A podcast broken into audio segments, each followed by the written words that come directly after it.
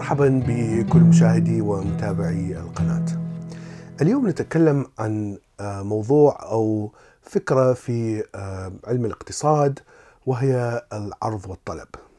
هذه الفكرة هي يعني ثابتة ومعروفة في علم الاقتصاد لأنها آه، تحدد سعر المواد التي تعرض في السوق عن طريق العرض والطلب العرض بمعنى الشخص الذي يعرض هذه المادة للبيع والطلب الناس الذين يشترونها. فتقول النظرية أن السعر سيتأرجح ما بين المشتري والبائع إلى أن يصل إلى حالة توازن وحالة التوازن هذه مقترنة بكمية البضاعة المعروضة آه، نسبة إلى كمية الطلب كمية الناس الذين يريدون شرائها. وهذا كلام منطقي. فمثلا أي مادة إذا لم يكن هناك أي طلب عليها وهناك كثير من العرض آه، إذا ستقترب قيمتها من الصفر لأنه لا يوجد طلب. وبالجانب الآخر أي مادة إذا لا يوجد أي عرض في السوق لكن هناك كثير من الطلب عليها فقيمتها سوف تزيد وتزيد وتقترب إلى ما لا نهاية. آه، وهذا يفسر مثلا الأشياء النادرة مثل لوحات الفنانين المشهورين بيكاسو وفان كوخ. لماذا هذه اللوحات غالية جدا وتباع بملايين من الدولارات؟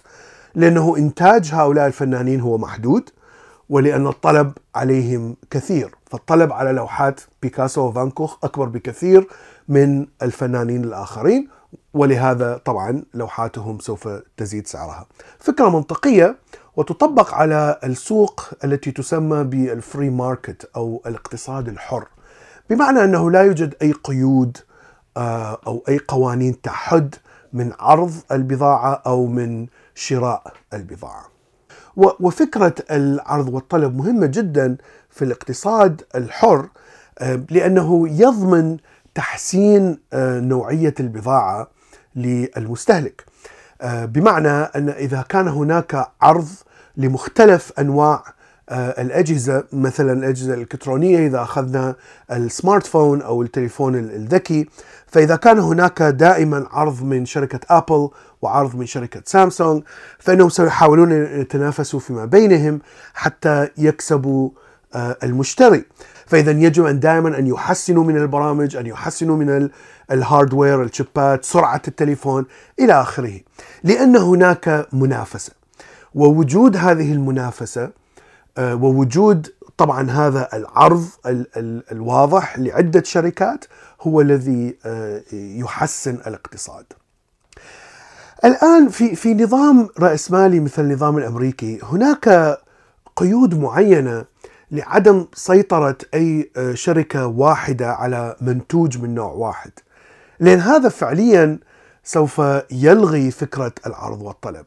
إذا تخيلنا أن الشركة الوحيدة التي تنتج هذه التليفونات هي أبل فإذا آه، لا يوجد أي آه، رغبة في أبل أن يحسنوا الجهاز لأنهم سيبيعون هذا الجهاز مهما كان آه، صفاته مهما كانت رديئة مهما كان البرامج سيئة لأنهم الوحيدين في السوق.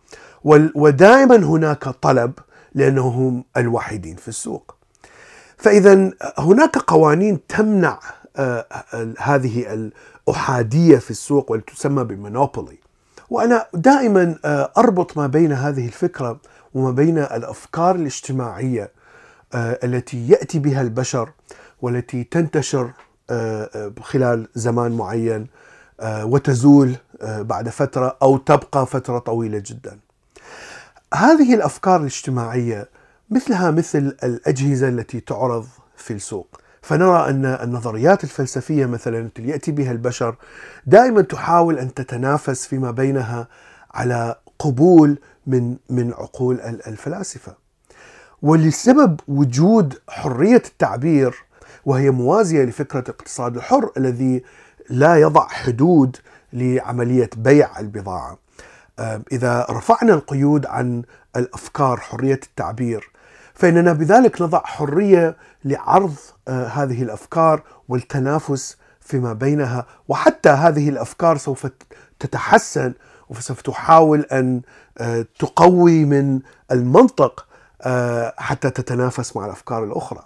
ومن الممكن أن تطبق آه، يعني هذه الفكرة عرض وطلب في كل شيء ليس فقط في الأفكار الفلسفية أو حتى في الأفكار الدينية يمكن أن تفسرها حتى في التعامل الاجتماعي ما بين البشر. إذا كنت أحاول أن أبحث عن عمل فإن كتابتي للسي في أو لقائمة الخبرة هي أيضا نوع من العرض الذي أضعه أنا في السوق وأرى من من الشركات التي تطلب آه، هذا النوع من العمل وهذا النوع من الخبرة ومن ثم هناك تنافس ما بين كثير من الناس امثالي لديهم نفس الخبرة والشركة هنا تقوم بدور الطلب بدور المشتري وطبعا آه، ايا كان آه، قائمته أفضل أو خبرته أفضل سوف يربح العمل.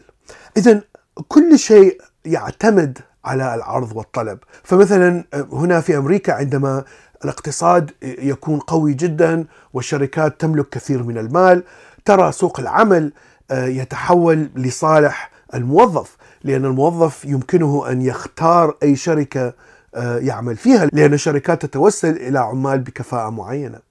لكن عندما الاقتصاد آه، يهبط والشركات لا تملك المال فسيصبح العكس. وهذا أيضا يؤثر حتى على الأجر الذي تأخذه آه، عندما تعمل. إذا كانت كفاءتك نادرة جدا بمعنى هناك طلب كثير وهناك عرض قليل فإن قيمة الخدمات التي تقدمها ستكون عالية جدا. والعكس صحيح إذا كانت كفاءتك آه، عادية جدا وكثير من الناس يعرفون هذه أو أو يملكون هذه الكفاءة اذا ستكون قيمة هذه الخدمة آه، قليلة جدا فيكون راتبك أيضا قليل. فأرى أن جميع التعامل الإنساني في الحياة يصب في آه، العرض والطلب خاصة إذا كان هناك منافسة. أنا أقول أن النظام أو المجتمع يجب أن يكون حر آه، ويجب أن يسمح للمنافسة ويسمح للأفكار بدون قيود. وهذا يعني لم يكن دائما يعني آه، إلى قبل مثلا 200 سنة آه، لم يكن هناك ديمقراطية أو حرية رأي بالمعنى الذي نراه اليوم في أوروبا وأمريكا والعالم المتقدم. حتى في أوروبا قبل 200 أو 300 سنة كان هناك قيود لحرية التعبير. وهذا هو السبب أعتقد لوجود آه، أفكار كثيرة بالية وغير مفيدة لا زالت قائمة ولا زالت آه، هناك شعوب كبيرة كثير متمسكة بها.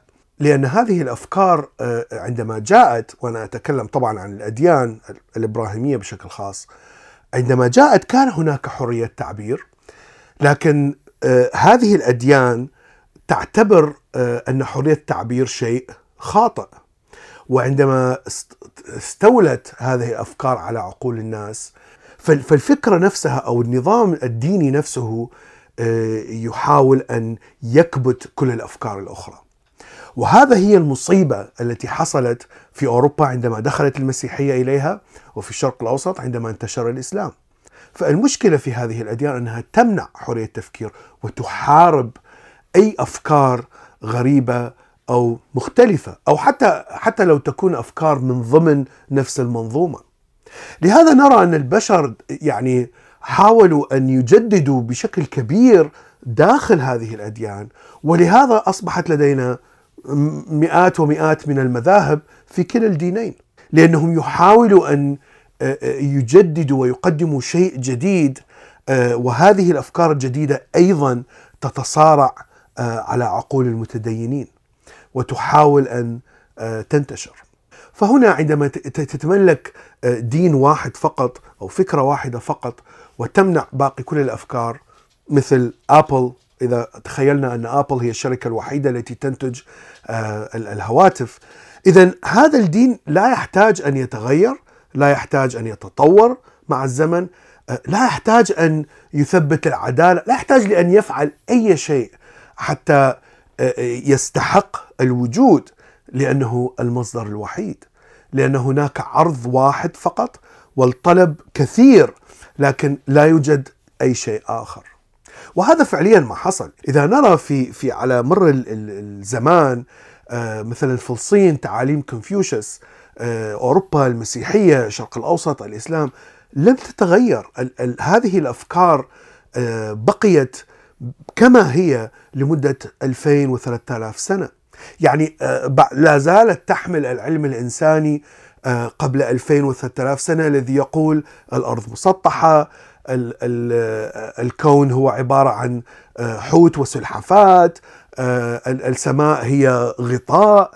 يعني هذا علم كان موجود عند البشر قبل 2000 سنة لكن العلم تغير بشكل كبير لكن الدين لم يحتاج أن يتغير.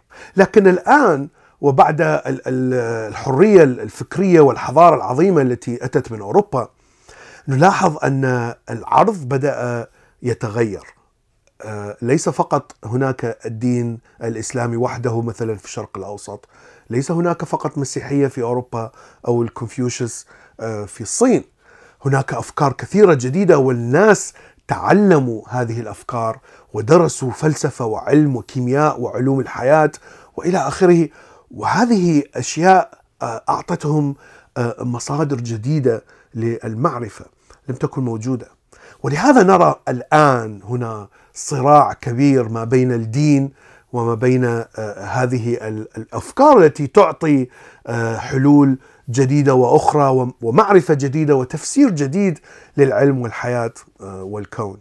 فهنا دخلت هذه المجتمعات مجتمعات الشرق الأوسط مثلا في مرحلة العرض والطلب مرة أخرى.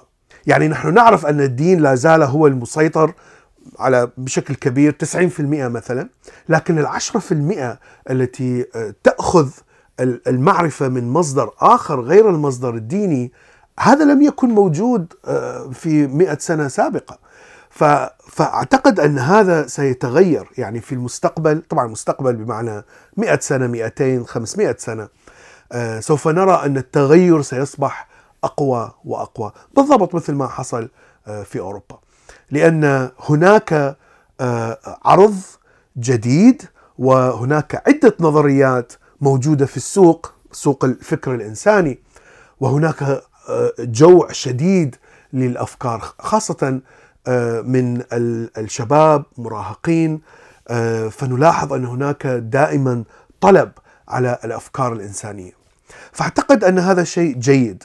نحن الآن نمر نعود إلى المرحلة السابقة مثلا قبل أن تأتي هذه الأديان وتسيطر بشكل أحادي على الفكر البشري. نحن الآن نعود إلى الفترة التي تعرض فيها الأفكار خاصة بوجود الإنترنت الذي يجعل عرض الأفكار شيء سهل جدا. حتى الأفكار الدينية والأفكار الدينية المتخلفة جدا أيضا تستطيع أن تعرض نفسها الآن.